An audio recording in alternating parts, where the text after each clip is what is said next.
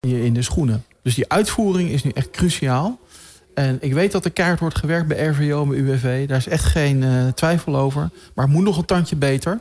om nog meer ondernemers er doorheen te helpen.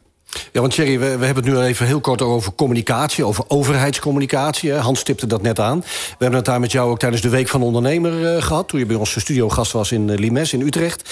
Die overheidscommunicatie, als we nou eens kijken naar die laatste persconferentie... waarbij we op dinsdag, uh, dat is de ene laatste, Rutte hadden... de dag daarna, woensdag, er drie ministers over de steunpakketten aan het praten waren... die omhoog gingen. En waarbij dus enkele duizenden ondernemers op de donderdag een mail of uh, brief op hun deurmat krijgen... dat ze uh, 16 weken langer moeten wachten op die uitkering. Ja. Dinsdag, woensdag, donderdag, niets daarover gecommuniceerd... op die dinsdag of die woensdag. Daar had toch iets over gezegd moeten worden... van jongens, we redden het niet. Nou, dat ligt wel genuanceerder. Uh, uh, die brief, uh, dat is wat ongelukkig geformuleerd. Dat zijn de juridische weken. Ja. De ervaring leert over het algemeen dat het binnen drie weken is. Maar dat moet allemaal juridisch worden dichtgetimmerd, et cetera, et cetera. Dus die, die 16 weken, dat, daar hebben mensen zich, zijn mensen zich rot van geschrokken, terecht. Dus dat had je anders moeten, moeten inkleden. We kunnen een eindeloze boom opzetten over overheidscommunicatie. Uiteindelijk, wat je nou communiceert of niet, maakt niet veel uit. Het enige wat telt, is dat het geld op die rekening van die ondernemers komt. En dat heb ik al vaker gezegd. Ik kan in de Kamer stapels moties indienen. Daar is die ondernemer niet per se mee geholpen. Die ondernemer is pas geholpen op het moment dat dat geld op zijn rekening gestort krijgt. En daar moeten we continu op blijven focussen. Niet elkaar de tent uitvechten over wie wat wil... maar gewoon zorgen dat dat geld op die rekeningen komt. Want liquiditeit is op dit moment het allergrootste gevaar voor, uh, voor ondernemers. Ja, we, zien, we zien dat eigenlijk nu recentelijk nog een keer terugkomen... bij de reisfoutjes. Want ja. ook daar, we zijn eigenlijk aan het wachten op de Europese Commissie... op akkoord voor dat steunfonds wat er niet is. Waardoor eigenlijk die reisfoutjes niet uitbetaald kunnen worden... want dan vallen de correndons van deze wereld morgen om. Ja. Uh, die lijn naar Europa, naar die Europese Commissie... want daar zit natuurlijk ook een hiaat. Hè? Het wachten op die handtekening, zodat we hier mogen uitkeren. In hoeverre kunnen we daar niet iets meer pressie uitoefenen? En dan druk ik het netjes uit. Het, het is een urgentie, dat ze ook daar het is echt een urgentiegeval, jongens. Kom ja. op, het is crisis. Het is een probleem op dit moment. De zaken zijn gesloten, de rekeningen staan open. Uh, het geld loopt langzaam en soms zelfs heel hard van die rekeningen af. Uh, uh, kom op, tempo. ik moet eerlijk zeggen, het probleem zit soms in Europa... maar wij zijn ook niet heel erg snel met het aanleveren van die regelingen. Nee. Um, daar ja, zit ook een groot probleem. Mag ik daar een punt over maken? Want bijvoorbeeld, hè, jij hebt je keihard ingespannen voor de starters. En dat heb je ja. ook heel goed gedaan, vind ik. Sta ik helemaal achter. Maar ja, dan kom ik er nu achter dat die regeling nog naar Brussel moet. Hè? Ja. Dus die moet nog goedgekeurd worden in Brussel. Dus we hebben nu keihard gewerkt samen en met anderen ook om dat voor elkaar te krijgen. Chapeau daarvoor. Maar die ondernemer heeft nog niks op zijn rekening. Hè? Nee. En, dat, en dat vreet aan je. En iedere dag word je wakker en denk je, hoe ga ik de dag weer doorkomen? Ja. Nee, eens. En dat, dat, is een frustratie die ik deel. En we proberen daar continu voor te knokken en, en dingen in beweging te krijgen. En ja, ik ben inmiddels blij met ieder stapje van uh, wat gezet wordt, zeg maar. Um, en volgens mij is het vooral belangrijk dat ondernemers weten... dat ze, dat ze niet uh, alleen erin staan. Dat nou ja, Hans en ik ook en heel veel anderen voor hen blijven knokken. en iedere beweging die er mogelijk is, proberen voor elkaar te krijgen. Laten we het woord perspectief uh, even laten vallen. Uh, ja. Die komt natuurlijk heel vaak voorbij. En als er iets is waar we behoefte aan hebben, enzovoorts, het mogen duidelijk zijn... Um, dan lijkt ook uit het niets ineens een besluit genomen te worden... door 25 burgemeesters en twee ministers... Uh, om ook de evenementen tot 5 mei gewoon niet te gaan organiseren. De publieke evenementen. Um, ook weer zo'n communicatieding. Het lijkt ineens, plof, even een, een, mededeling... maar weer zo belangrijk in dit geval ook voor de evenementenbranche... en alle zelfstandigen ook die daaronder hangen... Wat is jouw visie daaromtrent? Dat perspectief, we worden gevaccineerd... we zouden ja. naar buiten moeten kunnen... en ondertussen mogen er wel 5000 mensen naar een voetbalwedstrijd gaan kijken. Nou ja, kijk, um, ik vind het goed dat er duidelijkheid komt. Hè? Want we zitten in een, een rare periode. We hebben vanaf gezegd vanaf 1 juli... Uh, daar hebben we het garantiefonds ook voor evenementensector voor gemaakt. Vanaf 1 juli kun je ervan uitgaan dat we in principe weer een normaal evenement kunnen gaan organiseren. Dus dat is duidelijkheid. Dan krijg je een beetje de discussie, ja, wat doen we dan met die andere maanden ertussenin? En dan vind ik het op zich best wel verstandig dat je zegt... oké, uh, op dit moment zijn we nog steeds in de discussie... kunnen wel of niet de restaurants open, kunnen wel of niet de terrassen open. Ja, om dan al te gaan spreken over evenementen... ik denk dat je daar ook eerlijk in moet zijn. Je kunt beter zeggen, het gaat niet door. Daar weten ondernemers ook waar ze aan toe zijn. Uh, maar dan ook bij zeggen, vanaf 1 juli kun je in principe aan de gang. Ik denk dat dat heel belangrijk is, dan kunnen ondernemers daarop schakelen. Duidelijkheid is wat dat betreft belangrijker soms dan, dan proberen een, een worst voor te houden... die dan uiteindelijk niet gaat komen. Want dan ben je door je mus aan het verkopen. Hans, als je de agenda van uh, Thierry morgen zou mogen bepalen... Uh, dan is het de 18e maart. Dan weet Thierry dat hij in de Kamer gaat komen. Op plek 11, dat lijkt me haalbaar. Dus een statement van de dag zo'n beetje. Wat zou bovenaan de agenda van Thierry morgen moeten staan? Nou, één, hou de portefeuille, zou ik zeggen. Je zit er nu goed in. ja, Laten we daar even mee beginnen. Ja. En dan zou ik zeggen, twee, dat herstelfonds zo snel mogelijk. Drie, laten we zorgen dat we een goede regeling maken voor al die belastingsschulden. Dat we het niet eindeloos uitstellen, maar snel duidelijkheid geven. Hoe gaat dat lopen? En vier, wat mij betreft, liquiditeit. Dus misschien die MKB-bank, misschien een andere manier. Maar zorg dat die liquiditeit in ieder geval op peil blijft. Want misschien hebben we wel zes maanden nodig voor informatie. Voor al die langetermijnplannen. Maar op de korte termijn, iedere maand nu... denken die ondernemers, hoe betaal ik mijn huur? Hoe betaal ik mijn salarissen? Uh, hoe kom ik überhaupt zelf een inkomen dat ik mijn boodschappen kan doen? Dus focus je alsjeblieft daarop. En, en wat is je agenda morgen, Thierry? Nou ja, aan de gang met dat herstelplan. Ja. Uh, en daar horen drie dingen in wat mij betreft. Eén, we moeten iets met die schuldenberg doen. We moeten over kwijtschelding eh, durven praten in, de, in Den Haag. Daar zeg ik wel bij, uh, we hebben ook ondernemers die krom hebben gelegen... om wel de belasting te kunnen betalen. Die een spaargeld hebben gepakt omdat ze zeiden... ja, het laatste wat ik wil is de Belastingdienst als schuldeiser. daar zul je ook iets voor moeten doen. Uh, maar dat mag geen reden zijn om helemaal niks te doen met die schuldenberg. Want die is gewoon enorm groot. Een tweede punt is, we moeten zorgen dat er investeringen gaan komen. En dan denken wij in altijd gelijk... oh, dat zijn publieke investeringen. Nee, het allerbelangrijkste zijn private investeringen. Ondernemers die moeten gaan investeren. En het laatste wat je wil is dat dadelijk alle MKB'ers zeggen... ik heb geen geld meer om te investeren, ik durf het niet aan, ik doe niks. Want dan dondert alsnog die hele economie in elkaar. Met een spiraal naar beneden. Dus er moet een goede investeringsfaciliteit komen bij de overheid... om dat te stimuleren. Uh, en een derde uh, punt is, we moeten MKB'ers weer lucht gaan geven. Echt waar, dat zeg ik ook tegen de, tegen de collega's van, van andere partijen. Geef die MKB'ers nou lucht. Uh, zorg voor belastingverlaging. Uh, wij, zijn, we hebben daar een aantal goede voorstellen gedaan in ons verkiesprogramma. Ja, we verhogen de, de, de, de, lasten voor een aantal grotere bedrijven... die op dit moment gebruik maken van fiscale faciliteiten... die we onwenselijk vinden. Maar voor het allergrootste gedeelte verlagen wij de lasten... voor het midden- en kleinbedrijf. Met een eigen middenstandskorting. Met een uh, verhoging van de MKB-winstvrijstelling. Met de verlaging van box 2. Met allerlei zaken in de eerste schijf voor, voor ondernemers. Noem het maar op. En dat is echt nodig, want ondernemers moeten ook gewoon weer een fatsoenlijke pensioenpot kunnen opbouwen. Een fatsoenlijke spaarpot kunnen opbouwen. En fatsoenlijke buffers kunnen opbouwen. Hans, jij bent uh, in gesprek met Veilbrief over belastingen gesproken. Uh, je hebt daar een belastingplan eigenlijk als het ware neergelegd... rondom het bevriezen van die belastingen voor, van minimaal twee jaar. Ja, kijk, ik, voor mij valt over alles te praten... als er in ieder geval die lucht maar gegeven wordt. Kijk, ja. mijn voorstel is... Ik, het kwijtschelden vind ik een beetje lastig richting al die mensen die wel betaald ja. hebben. Dus ik heb meer, zit meer in de richting te denken... waarom niet twee jaar gewoon bevriezen? Gewoon twee jaar even niks. En dat je dan vijf jaar krijgt om het terug te betalen. Dat je ongeveer een periode van zeven jaar hebt. Een soort renteloze lening van de overheid. Dat zou ik meer fair vinden dan kwijtschelden. Hoewel ik het iedereen gun, hè, laat ik dat voorop stellen. Maar je kunt ook voor die ondernemers die wel betaald hebben... kun je ook iets bedenken. Hè? Kijk, maar het is niet dat dat, voor mij ook. Daarom als we daar iets voor, voor doen zeg maar, in de belastingen... betekent niet dat dat geld... Ge... denken wij in Den Haag wel eens. Hè, dat, er ja. dan, dat, een, dat er dan een, bedrijf is wat gelijk dure auto's gaat kopen of zo. Nee, nee, dat geld blijft in die zaak zitten. Precies. Dat wordt geïnvesteerd, dat is goed voor de economie. Maar goed, even om, om te, laten we zeggen... daar moet in ieder geval snel duidelijkheid over komen... dat je in ieder geval weet waar je aan toe bent. Ik las vanmorgen aan het Financieel Dagblad... Het aantal investeringen in het MKB is met 50% gedaald afgelopen jaar. Gigantisch. Ja. Dus dat betekent ligt een groot probleem voor de economie. Want die tast de, de verdienkracht van de economie aan. Dus daar moeten we volop inzetten. Uh, maar ik vind het eigenlijk nog misschien de allerbelangrijkste duidelijkheid. Je moet gewoon weten waar je aan toe bent. Want als je weet waar je aan toe bent... en we houden op met continu aan de knoppen draaien... Hè, uh, dan kan je weer in ieder geval vooruit gaan kijken. Dan kan je je plannen weer maken. En dat kan nu, kunnen ondernemers met alle, in alle eerlijkheid nu helemaal niet. En als laatste nog even, en dan moet ik even kwijt. Um, wat ik echt niet begrijp, en dat zeg ik dus niet tegen jou, hè, maar in het algemeen tegen de politiek. Hoe het mogelijk is dat er partijen zijn die zeggen tegen bedrijven die nu met 20, 30 miljard belastingsschuld zitten. We gaan, de boodschap is, we gaan nu belastingen verhogen. Ik bedoel, dat is toch geen boodschap die je kan geven op dit moment? Nee, absoluut. absoluut. En, ik baal er een beetje van dat wij ook in dat lijntje stonden. Hè? Wat wij doen is, wij, wij vertalen de BIC, de investeringskortingen... die zetten wij door naar juist, en het woord zegt het al, een middenstandskorting. Echt gewoon 1,7 miljard belastingverlaging... voor iedereen die een klein bedrijf heeft en mensen in dienst heeft. Dat is echt hoe je ondernemers lucht gaat geven. En inderdaad, ja, sommige verkiezingsprogramma's heb ik moeite mee om die serieus te nemen. Als ik kijk, hè, 42 miljard belastingverzwaring. Uh, gewoon dingen overboord gooien waarbij, familie, waarbij familiebedrijven de bocht helemaal weggooien. Uh, ja, en ook in één keer, hè? Precies, dat betekent, gewoon, dat betekent gewoon dat alle familiebedrijven gewoon echt door het putje dadelijk gaan als we niet oppassen. Ja. Ja, alsjeblieft jongens, uh, iets zuiniger op dat MKB. Dat lucht krijgen ehm, komt ook een paar keer in dit gesprek al voor. Het terugbetalen van al die regelingen. Eventueel het bevriezen van, uh, van de belastingen die eraan zitten te komen. Uh, wat kunnen we daar straks morgen over zeggen, Thierry? Wat is, wat is jouw boodschap aan die ondernemers?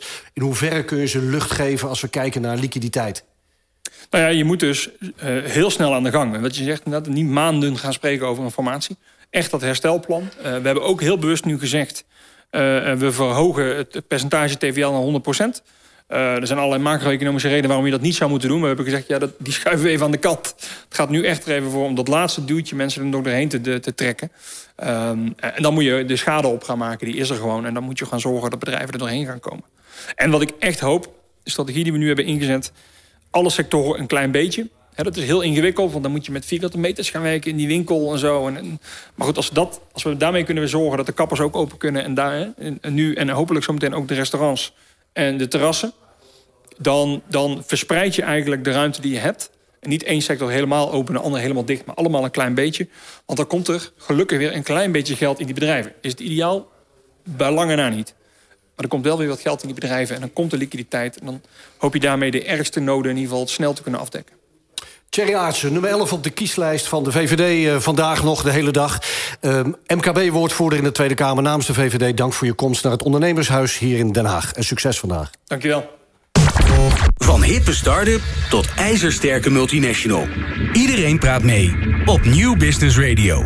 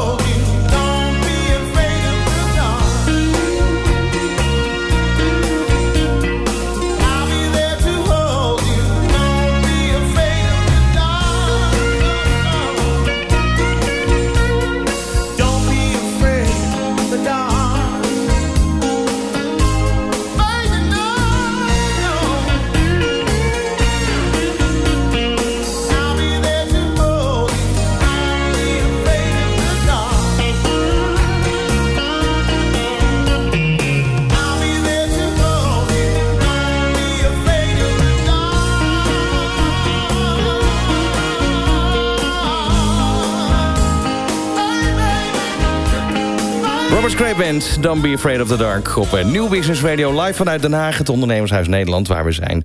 En waar we praten over 17 maart, de verkiezingen van vandaag. Hans, we hebben alweer de volgende uh, ondernemer... in dit geval uh, inmiddels uh, in de studio. van harte welkom, Frits van Dijk. Riemer. Riemer, sorry. Ja. Riemer Rijpkema van Sales Vecta. We hebben elkaar een jaar geleden leren kennen...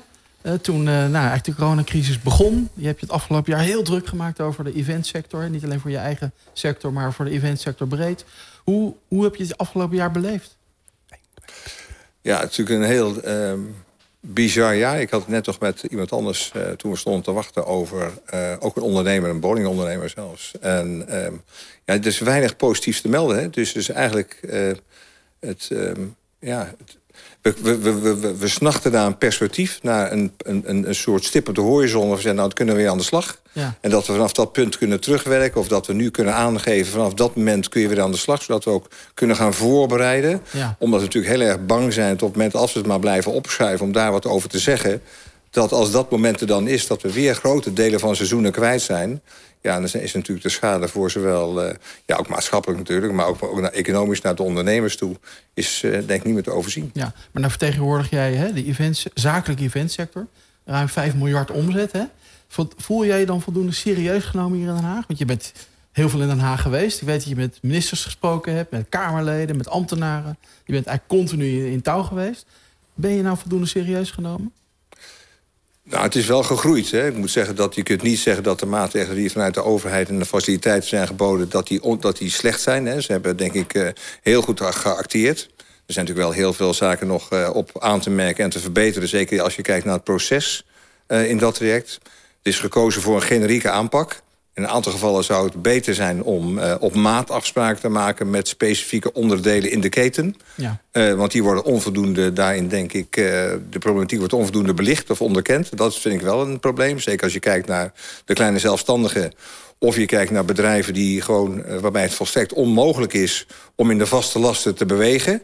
Waardoor dat continu blijft terugkomen... en uh, ja, dan is ook wat er nu is voorzien toch nog niet voldoende om die bedrijven... Uh, en dat zijn sterke merken, om die voldoende uh, te ondersteunen. En wat er wel een enorm probleem is, en dat is wat ik net al aanhaalde... is het feit dat we echt op zoek zijn naar een stip op de horizon. Een moment ja. dat we weten, dan kunnen we weer open. Natuurlijk, de overheid heeft altijd een stopknop. Ze kunnen altijd zeggen, het is niet verantwoord, dus het gaat niet door. Maar dat we daar wel naartoe kunnen gaan werken, stapsgewijs met de stapsgewijs meer open te gaan... en vanaf dat moment ook volledig weer open te gaan... op de manier zoals we gewend zijn.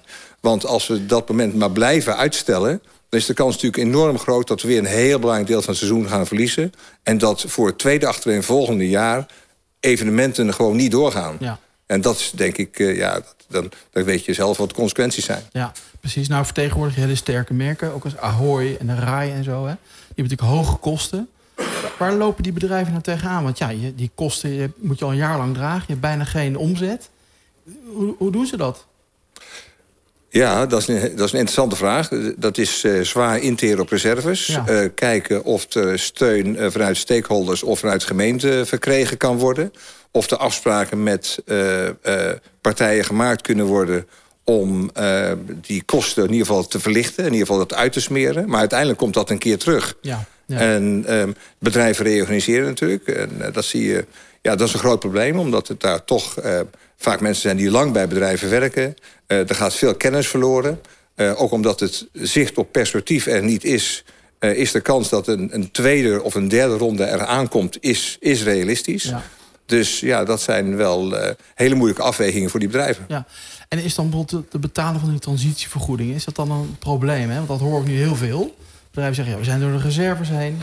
Ik moet nu gewoon reorganiseren. Kan niet anders meer. Hè? Vaak al, soms al in de tweede ronde inmiddels. Maar dan hoor je wel van ja, ik heb eigenlijk geen liquiditeit om die transitievergoeding te betalen. Ja, wat, wat, wat dan hè? Ja, dat is natuurlijk een, uiteindelijk gaat men dan nu niet uh, over tot, uh, tot een, een, volgende reorganisatieronde, omdat die, die middelen er niet zijn om die transitievergoeding te betalen. Vaak gaat het over werknemers die men wil behouden, die langer al in dienst zijn bij een onderneming. Waardoor die transitievergoeding natuurlijk hoger is. Ja. Um, en dan is natuurlijk de vraag wat er gaat gebeuren... op het moment als de steun van de overheid uh, zeg maar eindigt. Um, en er is ja, binnen de markt nog onvoldoende perspectief. Wat gaat dat dan betekenen voor die bedrijven? Um, ja, dan krijgt men toch mogelijkerwijs nog die vergoeding voor de kiezen. En dan is de vraag, ja, hoe gaat men het oplossen? En ja, die oplossing ligt natuurlijk niet zeg maar, zo makkelijk voor het oprapen. Dat zal echt wel een uitdaging gaan worden. Ja, want het grote probleem is wat mij betreft dan... dat die bedrijven bedrijfseconomisch niet, eigenlijk niet fit zijn... Hè? Uh, voor de strijd die ze aan moeten gaan. Terwijl je, het doel zou natuurlijk wat mij betreft moeten zijn... Hè? zoveel mogelijk bedrijven er doorheen trekken... maar ook met goede kansen om het daarna uh, weer te, te overleven, zeg maar. Ja, nou, bedrijfseconomisch fit, ik denk dat dat is interessant wat je zegt. Er zijn natuurlijk heel veel bedrijven die door de steun van de overheid... zeg maar overleven op dit moment. Dat is op zich natuurlijk gewoon prima. Dus natuurlijk alleen de vraag van hoe is de situatie daarna? Hè? Wat is nodig om te kunnen doorstarten... om weer op een niveau te komen... zodat ze zeg maar, weer volwaardig in de markt kunnen meedoen. Ja. En de vraag is... Uh, voor hoeveel bedrijven dat een te grote uitdaging gaat zijn. Dus ja. dat, dat ben ik, daar ben ik zeker met je eens. Ja. Nou heb jij, was jij de grote motor achter het grote live-event... de live, Field Lab eigenlijk, hè, in de jaarbeurs? Mona Keizer was er ook, uh, heb ik gezien. En er waren behoorlijk wat mensen in de zaal. Weinig of geen besmetting. Ik geloof eentje geconstateerd. Hè? Geeft dat nou de sector weer moed om verder te gaan? Is het een geslaagd field lab geweest? Of hoe moet ik het zien? Ja, het is altijd fijn als je zegt de motor. We zijn doen ja. natuurlijk met heel veel mensen. Natuurlijk, laat ik dat vooral even vooropstellen. Nou, ik heb gehoord uh, dat jij toch wel de trekker was. Ja, ik ben een onderdeeltje van het hele traject. Laat dat even, dat is ook belangrijk om het even te melden. Heel veel mensen die de kaart aan werken. Um, ik denk dat uh, we heel veel hebben aan de uitkomst van de Field Labs. Ja. Uh, we hebben in de Field Labs uh, door het vooraf testen... ruim 41 mensen volgens mij bij de eerste vier evenementen al kunnen selecteren... die zeg maar niet wisten zelf dat ze besmet waren, die positief getest zijn... die we hebben kunnen selecteren, dus die niet naar het evenement toegegaan zijn. Ik denk dat dat al heel positief is. De evenementen feitelijk hebben, hebben van één besmetting uh, sprake geweest waarvan uiteindelijk achteraf is gebleken dat het nog ineens op het evenement heeft plaatsgevonden. Ja. Dus daar zijn we natuurlijk heel erg tevreden mee. Ja. En ja, wij verwachten eind van de week de eerste uitkomsten. En dat we die ook zeg maar, met de bewindslieden kunnen gaan delen tijdens het evenement in Biddinghuizen. En uh, ja, de uitkomsten zoals wij die nu kunnen zien, de ruwe data, zien er heel positief uit. En die rechtvaardigen ook dat het onderzoek vanuit Field Lab die inzichten gekregen hebben...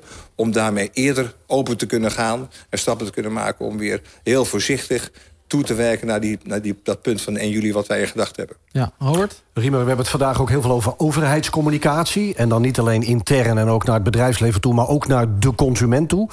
Wat is jouw beeldvorming daarvan? Is die nu echt op orde? Weet ik waar ik nu precies aan toe ben? Als ik hoor dat ik wel naar een voetbalwedstrijd strak mag, hè, 5000 mensen... waarbij ik ook hoor dat tot en met 5 mei... er geen publieke evenementen georganiseerd mogen gaan worden. Ja, de, de voetbalwedstrijd waar jij bedoelt, hè, die Interland... is natuurlijk ook weer een onderdeel van het testprogramma... om te kijken van, is het mogelijk om op verantwoorde wijze... Uh, eerder weer naar grotere aantallen toe te gaan... Hè, met dat weer dat punt van 1 juli. Dus um, misschien dat dat wat beter gecommuniceerd moet worden... maar dat is inderdaad een onderdeel van, van dat programma.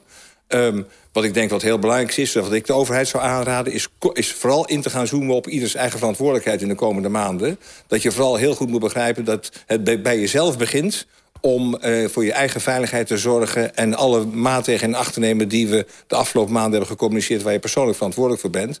En ik heb daar de indruk dat er echt nog wel een hele uitdaging ligt... om mensen ervan te overtuigen dat het beter gaat. Zou een volgende stap ook voor evenementen... en ook evenementen zoals jullie die organiseren... zo'n vaccinatie pas is verplicht aanpak kunnen zijn... om sneller dat perspectief ook aan de branche te kunnen bieden? Uh, nou, het is een van, een van de mogelijkheden die op dit moment wordt onderzocht... en die in onze ogen ook zeker realistisch is ja. uh, in, dat, uh, in dat traject.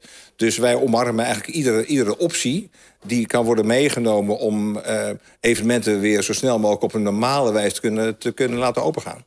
Als ik je ook goed begrijp, aan die communicatie is echt nog wel iets te winnen, hè? Zon, ja, ja. Zon, daar begint het mee. Ja. En dat is natuurlijk uh, nu op dit moment binnen de bedrijf... om de teams te behouden en te zorgen dat men het gevoel bij het bedrijf behoudt. Maar dat geldt natuurlijk ook vooral, vooral vanuit de overheid... Uh, naar, uh, ja, naar de mensen, naar de maatschappij... om goed te informeren waarom we welke stappen nemen. En we zouden eigenlijk enorm geholpen zijn bij het feit... ook in een stuk helderheid van vanaf welk moment men op dit moment aan het koers is... dat er weer evenementen kunnen worden georganiseerd. Dat men ook maatschappelijk weer daarvan kan gaan genieten... Met, met mogelijke voorwaarden dat ze altijd de stopknop hebben... op het moment als het niet goed gaat, dat ze kunnen ingrijpen. Maar dat iedereen zeg maar, zich er al op kan gaan richten... dat over zoveel in zoveel stappen of in die periode... we weer van evenementen kunnen genieten. Hans, het komt steeds weer terug, hè? Communicatie uh, richting de consument, maar ook richting het bedrijfsleven. Um, we hadden het net met Thierry Aartje daar ook over. Dit moet natuurlijk een agendapunt blijven, maar bovenal, dit moet verbeteren. Ja, moet zeker verbeteren. En wat mij betreft zou dat ook veel meer onderdeel van het herstelplan moeten zijn... waar veel over gesproken wordt. Hè? Het gaat om de concrete maatregelen, maar het gaat ook... Ja, hoe communiceer je naar de rest van Nederland? Hoe communiceer je naar de bedrijven? En heel belangrijk, dat het ook dan zeg maar in alle overheidsgeledingen consequent uh, wordt nagevolgd. Hè? Want we zien nu, je haalt het dan straks even aan, hè? ineens op een uh, regenachtige maandagavond een paar burgemeesters roepen, ja, tot 5 mei geen, uh, geen evenementen. Nou, misschien is het wel een goede beslissing, maar de manier waarop dat dan naar buiten komt, ja, dat vind ik nog steeds heel onverstandig. En dan willen we het ook nog gaan begrijpen, Riemer, wat er, wat er dan gecommuniceerd wordt. Kun je ons meenemen door zo'n traject waarop uiteindelijk bij jullie dat pilotproject is ontstaan? Wie gaat dan waar over? En bij ons is ook natuurlijk een veelgehoorde discussie... is het OMT, waarbij die O nog niet voor ondernemers staat... als in uh, mee te denken. Hoe is dat in dit geval gegaan? Als we die stappen eens bekijken van... en toen konden we echt gaan organiseren. Wie waren er allemaal bij betrokken? Ja, eens even te kijken wat je mij exact vraagt. Kijk, we hebben een, uh, uh, een aantal gesprekken gehad... met bewindslieden vorig jaar mei en juni... Daar hebben we een aantal voorstellen gedaan, vier punten. En een van die punten was dat we zeggen... nou laten we dan samen gaan onderzoeken hoe eh, wat we moeten doen om evenementen weer veilig open te laten gaan. Daar zijn die field labs uitgekomen, dat programma. Dat heeft door de vier ministeries is dat ondersteund. Hebben wij een voorstel gedaan. Bij elkaar in september over gesproken. begin oktober heeft men gezegd... jullie mogen testevenementen gaan voorbereiden. Toen zijn we ermee aan de slag gegaan. Die hebben we in vier categorieën ingedeeld, die testevenementen. En die zijn nu, zeg maar, komend weekend... is dan die eerste serie van acht... die wordt dan uh, afgehaald, af, zeg maar, afge handelt of zo. In ieder geval, eh, dat is de laatste van de eerste serie. En wat dan de bedoeling is, is dat de uitkomsten van die test... die worden door ons eh, zeg maar verzameld.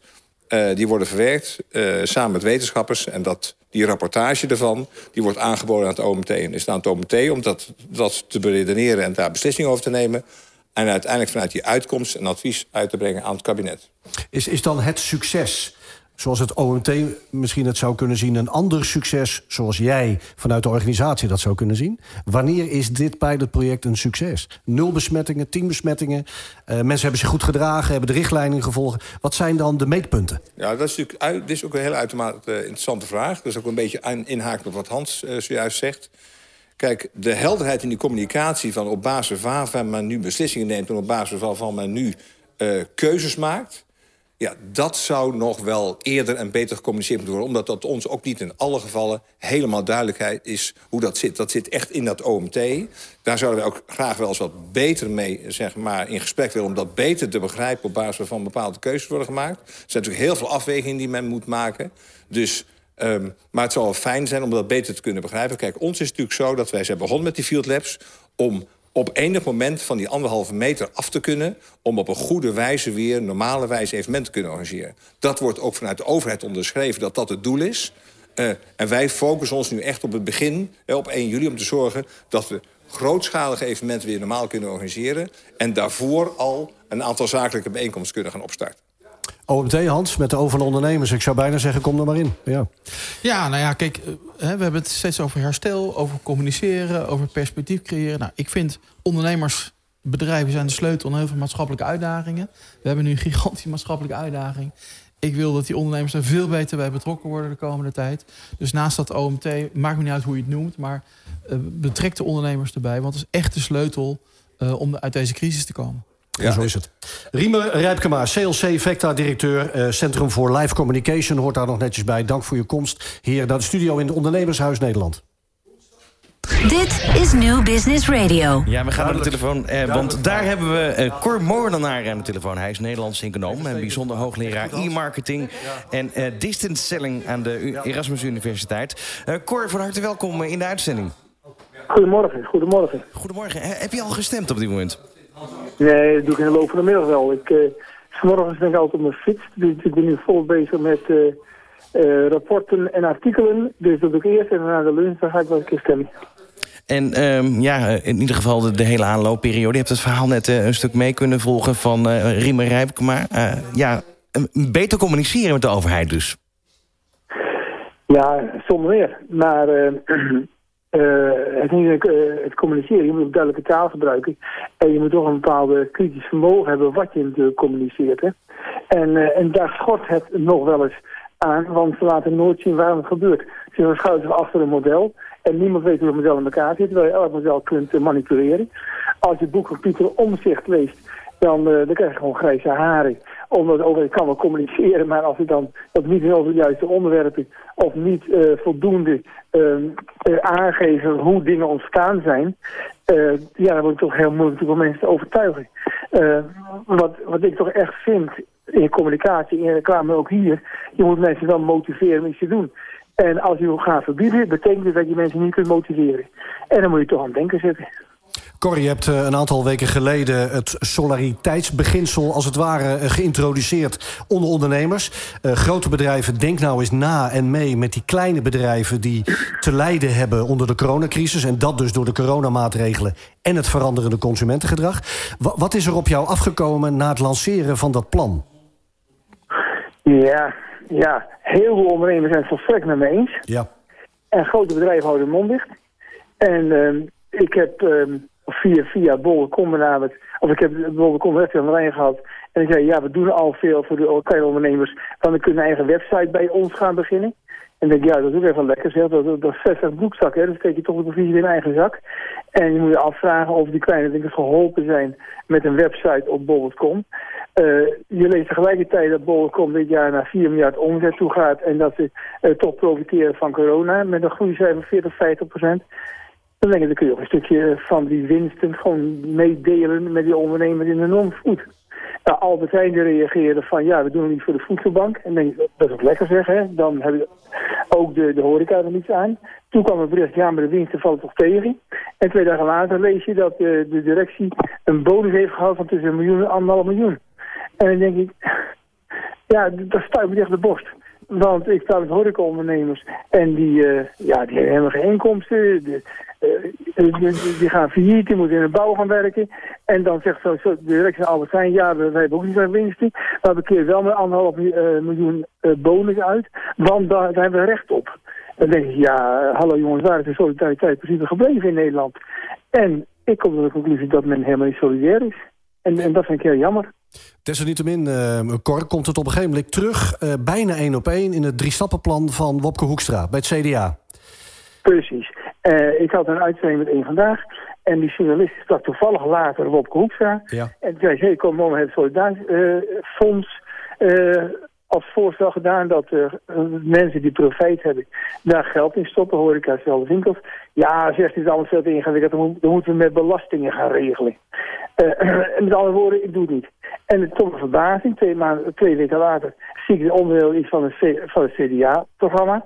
We gaan uh, een solidariteitsheffing doen, dus via belastingregeling. En dat is het niet, want dan komt weer een grote belastingpot terecht. En dan is echt de vraag of het terechtkomt bij, de, bij mijn horecaondernemer hier op de hoek. En mijn principe was de lokale maar die kan best geld in de pot stoppen. En daarmee de lokale ondernemers helpen. En dat wordt dan eh, geregeld door de uh, city manager of iemand bij de gemeente van mijn part. En dan komen we terecht op de plaats. En niet erg door een grote hoop uh, geld van de overheid die het ook voor andere doelen kan gaan aanwenden. Dus het, het, het, ja, het is gejat. Uh, en dat vind ik heel triest. en wat, wat heb je wel contact gehad met het CDA? Heb je wel met, met Hoekstra contact gehad hierover? Nee, het lukt me niet. Ik heb gedacht te mailen, maar het lukte me niet. Uh, en zijn opmerkingen aan de journalist die van vandaag, die was ook veel zeggen natuurlijk. Hè. Meteen meer in de problemen. Dat er ook oplossingen zijn. En dan zie ik over het algemeen uh, het beleid richting uh, ondernemers en horeca meteen problemen. Hoe kun je nou verklaren dat in de supermarkt er mogen heel veel mensen komen, terwijl in de winkel met twee mensen mogen komen of vier mensen mogen komen. Het is gewoon niet uit te leggen. Want uh, het woord problemen kwam eigenlijk ook al vrij snel uh, terug... op het moment dat je dit plan lanceerde, Cor. Uh, en dan vertaal ik het een beetje van... oké, maar hoe gaan we dit dan uitvoeren... wat Cor Molenaar heeft bedacht? Hoe kunnen we dit realiseren? Is dat... Heel, heel simpel, ja, leg dat nog eens uit, Cor. Ja, kijk, elk pakje moet verstuurd worden vanuit internet... Uh, dan, dan, lees je dat de PostNL weer uh, winststijging van 3000 procent. Nou, achter elk pakje kun je een bedrag koppelen. Dus als een pakje weggaat, uh, nou, het komt bij het PostNL, ik zeg nou, het is 4 euro of 3 euro, wat je ook zegt, per pakje gaat naar het fonds toe. ze hebben allemaal verzendlijsten. Ze kunnen exact per dag zien hoeveel geld in de pot moet stoppen.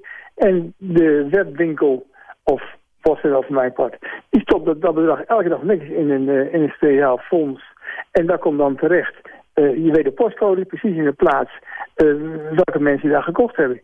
Dat, dat, dat is echt in het programma van een half uur het op te lossen. Dat is het probleem helemaal niet. En je kunt allemaal iemand aanwijzen die dan het geld beheert voor die ondernemers. Bij de grote partijen als supermarkten, dan kun je gewoon een percentage uh, vast bedrag of een percentage ook gewoon in die pot gestopt voor de horeca. Ook dat is niet zo moeilijk. Hans, jij hebt uh, ook het plan van Cor Molenaar tot je genomen destijds al vrij snel. Als we kijken naar de politiek hier, hè, de lijntjes hier in Den Haag. Hoe makkelijk is dat hier neer te leggen en te kijken of de overheid hier een duwtje zou kunnen geven in de juiste richting? solidariteit is niks mis mee. Hè? Dus als dat kan, dan is dat alleen maar goed. Alleen, ja, we zien het nu ook met alle uitvoeringsproblemen... al met de steunmaatregelen. Ik zie dat niet snel politiek opgelost worden. De Belastingdienst, de minister, uh, staatssecretaris Velbrief zegt ook alsjeblieft... op dit moment, he, kom niet aan de Belastingdienst, zeg maar. Ga geen ingewikkelde regelingen voorstellen. Dus ik heb een hard hoofd in dat het uh, daadwerkelijk gerealiseerd kan worden hier ja. in Den Haag. De enige waar ik ermee uh, over gesproken heb in positieve zin... de Wopke Hoekstra, die heeft gezegd... nou, ik wil wel kijken naar een stukje solidariteit. Precies, maar de rest ja. is er eigenlijk niet op ingegaan. Um, maar ik vind wel, hè, en dat doe ik dan maar even namens al die MKB'ers... dat we best een beroep mogen doen op de Jumbo's en de Albert Heijns. Om geval, en de Heineken's misschien, hoewel die het misschien ook wel lastig hebben... op dit moment in Nederland. Om vrijwillig in ieder geval te doen. Hè, om die, in die keten bedrijven te helpen. Want in de keten is het natuurlijk heel erg lastig op dit moment... Uh, voor toeleveranciers, voor partijen waar je zaken mee doet. Dus uh, ik zou het heel mooi vinden. Want nogmaals, Politiek Den Haag gaat het echt wel even duren. Als die grote bedrijven die zoveel geld verdienen... vrijwillig in die keten zeggen... we gaan andere bedrijven helpen. Dat zou een mooie stap voorwaarts nou, zijn. Daar ben ik het honderd mee eens. En dat wat ik me voorstel, leg het niet bij de overheid neer. Want we hebben genoeg projecten gezien die dan in, in liefde verzuipen. Het moet vrijwillig zijn, maar solidariteit is vrijwillig. We hebben te maken met uh, belangenorganisaties, zoals de Tuinhandel Nederland, Horeca Nederland, uh, in retail, uh, die allemaal leden hebben. En die leden kunnen dan vrijwillig gewoon hierin meegaan. Maar dat is solidariteit, dat, dat je vrijwillig iemand helpt die het wat moeilijker heeft. En een overheid die is op zo'n veel te snel om die taken naar zichzelf toe te trekken. lang niet altijd even goed. En ik denk, de overheid laat, laat het aan de ondernemers over om dit te regelen met elkaar. En dat is de basis van solidariteit. Ja, daar praten we ook over uh, verder met, uh, met Frits van Dijk... bowlingondernemer van Bison Bowling...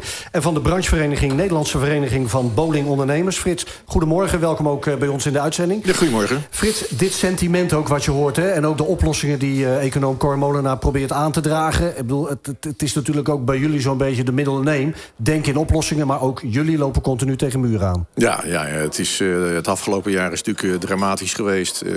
als je ziet van het hele jaar dat we van de twaalf maanden zo'n beetje negen maanden uh, gesloten zijn geweest. Zonder perspectief, met uh, uh, ondersteuningspakketten die niet toereikend zijn...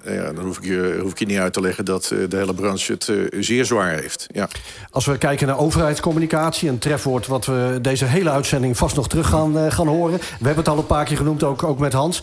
Um, wat is jouw ervaring daarmee? Die boodschap die jij dan weer moet doorvertellen aan jouw branchegenoten? Ja, kijk, als je in, in gesprek bent met, met, met de overheid... als je dat probeert... Uh, je komt als branche kom je natuurlijk uh, wel verder dan als ondernemers uh, separaat. Maar de, ja, de boodschap wordt aangehoord. er is ook wel begrip voor, voor de situatie waar, waar we allemaal in zitten. maar dan vervolgens komen met oplossingen. Ja, nee, niet. Heel plat gevraagd even, voel je je serieus genomen? Ja, als je in gesprek zit, dan... dan wel, ja, natuurlijk. Uh, de, de, het begrip is er wel. Maar dan vervolgens heb je heel vaak dat de, de, uh, ja, het vervolg daarna...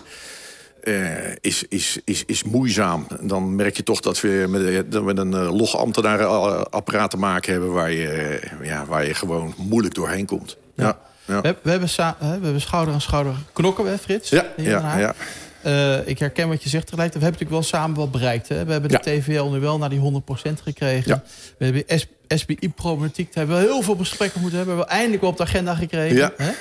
Uh, dus het is misschien, het heeft lang geduurd, het is niet voldoende, maar we hebben wel dingen bereikt ja. voor de branche. Ja, voor de branche hebben we inderdaad zeker dingen bereikt. We natuurlijk met de SB uh, hebben we echt problemen gehad, uh, omdat daar natuurlijk ja, SB-codes voor, voor degene die het, die het niet weten, zijn natuurlijk de, waar je hoofdact, hoofdactiviteit van je onderneming aangekoppeld is. Ja, als dat dan net even een, een verkeerde is... waardoor je net buiten de regelingen valt... Hè, terwijl de, de, de ondernemingen zich uh, allemaal, allemaal verder wel hetzelfde zijn... Ja, de, de verschillen daarin, uh, dat, dat komt natuurlijk niet. Nou, dat hebben we wel op de agenda gekregen. Ja, dat ja. is een ding dat zeker is. En dus, dus zeker een winstpunt. Ja, ja, zeker. Ja, ik denk ook voor jullie een van de problemen is natuurlijk... ja, die uitgestelde belastingsschulden allemaal. Hè? Ja. Uh, hoe nijpend is dat voor jouw ondernemers? Ja, de, de, kijk, het, het verhaal is... Nu, nu zijn we er allemaal nog. Uh, het is... Het, is rekken en erbij blijven. Maar wij maken ons ook ernstige zorgen over, over de toekomst. Als straks alles weer aan de gang gaat... Met, met, met de berg schulden die daar liggen... Ja, heb je best kans dat als het straks allemaal weer open gaat... en we denken weer te kunnen gaan ondernemen... dat we daarna met die schuldenlast alsnog bedrijven gaan omvallen. Dan hebben jullie allemaal hele grote locaties. Ik heb er een paar bezocht, hè, ja. ook met Kamerleden. Hoe zitten die verhuurders eigenlijk in? Die pandeigenaren? Ja, ja, ja de pandeigenaar, daar is, nogal, daar is er nogal een verschil in. Er zijn inderdaad uh, ondernemingen die met hun huurbazen hebben kunnen afspreken... een 50% korting. Er zijn, ik ken zelfs voorbeelden die het compleet hebben kwijtgescholden. En ja, er zijn dus ondernemers die gewoon tot rechtszaken aan toe... met hun huurbazen hebben, omdat ze überhaupt niet willen bewegen. Nee. Dat is ongelooflijk eigenlijk. Ja, dit is... Dit is, dit is ik heb met je pet niet bij. Echt nee. niet. In deze tijd, eh, als je praat over een, uh, een pandemie... waar de hele wereld mee te maken heeft... en dat iemand gewoon zegt... ja, joh, is, uh, sorry, dat is mijn probleem niet. Ja, ja dat, dat, dat, kan niet. Ja, kan niet. Er zijn rechtszaken aangespannen, hè? Ja. lopen allerlei rechtszaken. Kun je als branche nog iets doen dan, zeg maar... Al, richting al die pandeigenaren... of moet je dat als individuele ondernemer oplossen? Nee, dat zijn echt wel individuele problemen die je hebt. Uh, als branche komen daar echt niet, niet, niet makkelijk tussen... Uh, het is toch een oproep uh, naar, naar die huurbazen ook uh, voor gezond verstand en gewoon, ja, gewoon compassie. ik bedoel, jongens, waar, waar, waar, gaat het over? Je weet in wat voor situatie iedereen zit. En, en als je daar niet in mee wil, omdat bij jou alleen maar op, op, op, je, op, je, op je visie staat van poen, poen, poen. Ja, kansloos. Ja. Echt kansloos. We hoorden Riemer net vertellen over hoe hij zo'n pilotproject rondom de jaarbeurs heeft uh, kunnen organiseren. Hè, om langzaam weer mensen naar evenementen te krijgen op allerlei manieren. Mm -hmm. En ook hoe dat traject uh, richting politiek en met name ook richting ministeries is gegaan. Als we nou eens kijken naar al die bowlingcentra. En we zouden weer kunnen starten. Um, welke lijnen, welke wegen, kijk ik ook een beetje naar Hans Biesheuvel natuurlijk, zou je moeten kunnen, en die heb je bewandeld, maar blijven bewandelen om meegenomen te worden in zo'n pilotproject. Laten, als je nou uh, acht bowlingbanen hebt en gebruik er vier, dan zijn er vier vrij. En maximaal drie mensen. Het, bedoel, het, is, uh, het komt hier uit de, de korte mouw, hè, letterlijk. Hè? Maar dat soort ideeën zijn bedacht. Maar wanneer zou... Hè, Hashtag perspectief, Frits. Ja, nou, dat is het probleem. Kijk, wij zijn natuurlijk uh, vanaf maand twee in de crisis... zijn wij al klaar met een, een, een, compleet plan om, om, om, te, om te openen. wij zijn natuurlijk relatief allemaal grote bedrijven. We hebben veel vierkante meters. bowlingondernemingen zijn ja, eigenlijk per definitie geschikt om die anderhalve meter samenleving te kunnen uh, waarborgen. Precies. Uh, nou, dat hebben we ook wel bewezen. We zijn natuurlijk open geweest met een, ja, bijvoorbeeld in een 12 baans bowlinghuis met, met 100 personen. Ja, jongens, dat is prima te doen. Ja, de routingen, de, de, de bewegwijzigingen, de, de afstand kunnen houden. Toen het wat, wat spannender was, mochten er 30 binnen. Nou ja, dan heb je van de 12 baan heb je er 8 in gebruik. Ja, dan zit je dus een beetje om en om. Dan zit er geen anderhalve meter, maar daar zit er dik drie meter tussen. Ja. Hans, wat is dat dan toch? Dat dat niet op die kaart komt? Nou, het is angst. Hè? Ja. Angst regeert op dit moment. Het is ook uh, het idee van ja, we moeten een aantal bewegingen beperken. Dus het discussie steeds die ik met het kabinet heb, die ik met Rutte hier heb gehad uh, in het ondernemershuis, is van ja, hij zegt dan altijd ja, die individuele bowlingbaan daar, dat kan wel. Of de individuele restaurant kan best open, maar alles open, zodat iedereen weer op zijn fiets springt, in de auto springt en op massaal pad gaat. Dat is het blijkbaar het grote bezwaar. Uh, nou ja, goed, weet je, ik ben geen viroloog, ik zit niet oh meteen, dus dat kan ik moeilijk beoordelen. Maar ik zeg dan van, als dat de afweging is, dan moet je 100% steun geven aan die bedrijven, die dus op dit moment noodgedwongen dicht zijn. En ik vind na een jaar, hè, want we zijn een jaar bezig. Ja. Frits en ik kennen elkaar inmiddels een jaar. Ja. Uh, we zijn een jaar lang hebben we eigenlijk al dit gesprek met de overheid. En eigenlijk is er nog geen, geen plan, geen perspectief nee. om open te gaan. Ehm, en ik heb alle respect, niet alleen voor jou, maar voor al die ondernemers... dat je het vol weet te houden, Frits. Want je gaat er maar aan staan, al die maanden lang. En nog steeds geen idee wanneer je open kan. Nee, nee, en dat is natuurlijk het, eh, dat is het grote probleem. Eh, kijk, als je ervan uitgaat dat, je, eh, dat ze met een, een, een, een puntje aan de horizon komen van... joh, per uh, juli, ik noem maar iets, uh, kan je weer open dan kan je daar uh, gaan op anticiperen, anticiperen. En kan je gewoon zeggen ook de, de voorbereidingen om de heropening te gaan doen. Want het is niet alleen wij hè, dat, dat wij onze deur weer opengooien. Maar het, het zijn ook onze leveranciers, al die mensen, ja. de hele chain naar boven, die, is, die, die staat ook stil. Ja. ja die heeft ook mega in, ingeleverd en die zal ook opgestart moeten worden. Dus wij kunnen niet met, met een weekje van tevoren, volgende week of twee weken kun je weer open. Dat, dat wordt een probleem. Ja. ja mijn stelling is ook, hè, gewoon open gaan is niet meer voldoende. Hè. Er zal nee. veel meer moeten komen. Ik heb nog één laatste vraag voor jou. Morgenochtend om 8 uur begin ik te bellen met de lijsttrekkers. Ja, lijkt me een goed plan. Uh, ga ik zeker doen. Ik bespreek ze nu ook iedere dag, maar morgen om 8 uur beginnen. Kan je berekenen. Welke boodschap moet ik geven als het gaat om de bowlingbranche? Er zijn twee dingen. Uh, de steun uh, van dit jaar zal bekeken moeten worden. Ja, de steun zal naar 100% moeten. En er zal een... een, een ja, we hebben het, dat, dat woordje hebben we nou al zo vaak gehoord, perspectief. Maar jongens, daar gaat het wel om. Ja, ja. Er zal gewoon perspectief moeten komen per wanneer de bende open kan. En dat is niet alleen bij ons, is de hele horeca. Ja. Evenementen is alles. Frits, toch even ook voor mij een vraag aan jou. Um, ben je, of ga je stemmen, ben je anders, ga je anders stemmen dit jaar dan dat je normaal gesproken zou doen? Uh, nou, ik heb er veel langer over moeten nadenken. Mm -hmm. Want uh, kijk, als je nu zegt wat je, wat je normaal gesproken stemt... Uh, en ja, dat is niet meer vanzelfsprekend als je nagaat hoe je, je hè, dit afgelopen jaar beleeft... en als je daarin kijkt wat je, wat je als ondernemer... Uh, je eigenlijk toch wel een beetje, nou een beetje in de, in de steek gelaten voelt door de overheid. Ja. Ja, want uh, we hebben staan vechten voor uh, de maatregelen aan te passen. Niet te doen.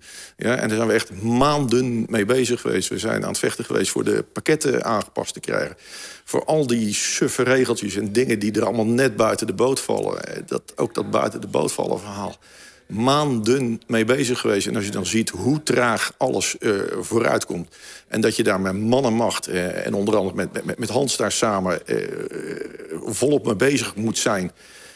ja, jongens, dan, dan sta je op zo'n verkiezingsdag... sta je te denken van, nou, wie gaat het worden, joh? Ja, dus met andere woorden, je, je voelt je niet gehoord als, nee, als branche? Nee, nee, nee, duidelijk niet. En, en nogmaals, hebben we begrip voor de maatregelen? Ja, natuurlijk, in het begin wel... Ja, als zoiets uh, gebeurt, dan, dan snap je dat, uh, dat, dat de bende op slot moet... en, en dat we een, een stap uh, terug moeten zetten.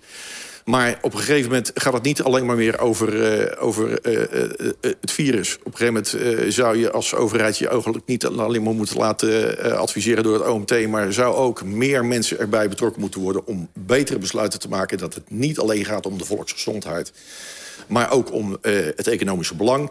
En over ja, alle zaken er rondom. Er leven, leven een heleboel mensen in Nederland, 17 miljoen. En die, ja, die zijn niet allemaal geholpen met deze maatregelen. Duidelijk niet. Dank je wel voor de komst aan de studio. Graag gedaan.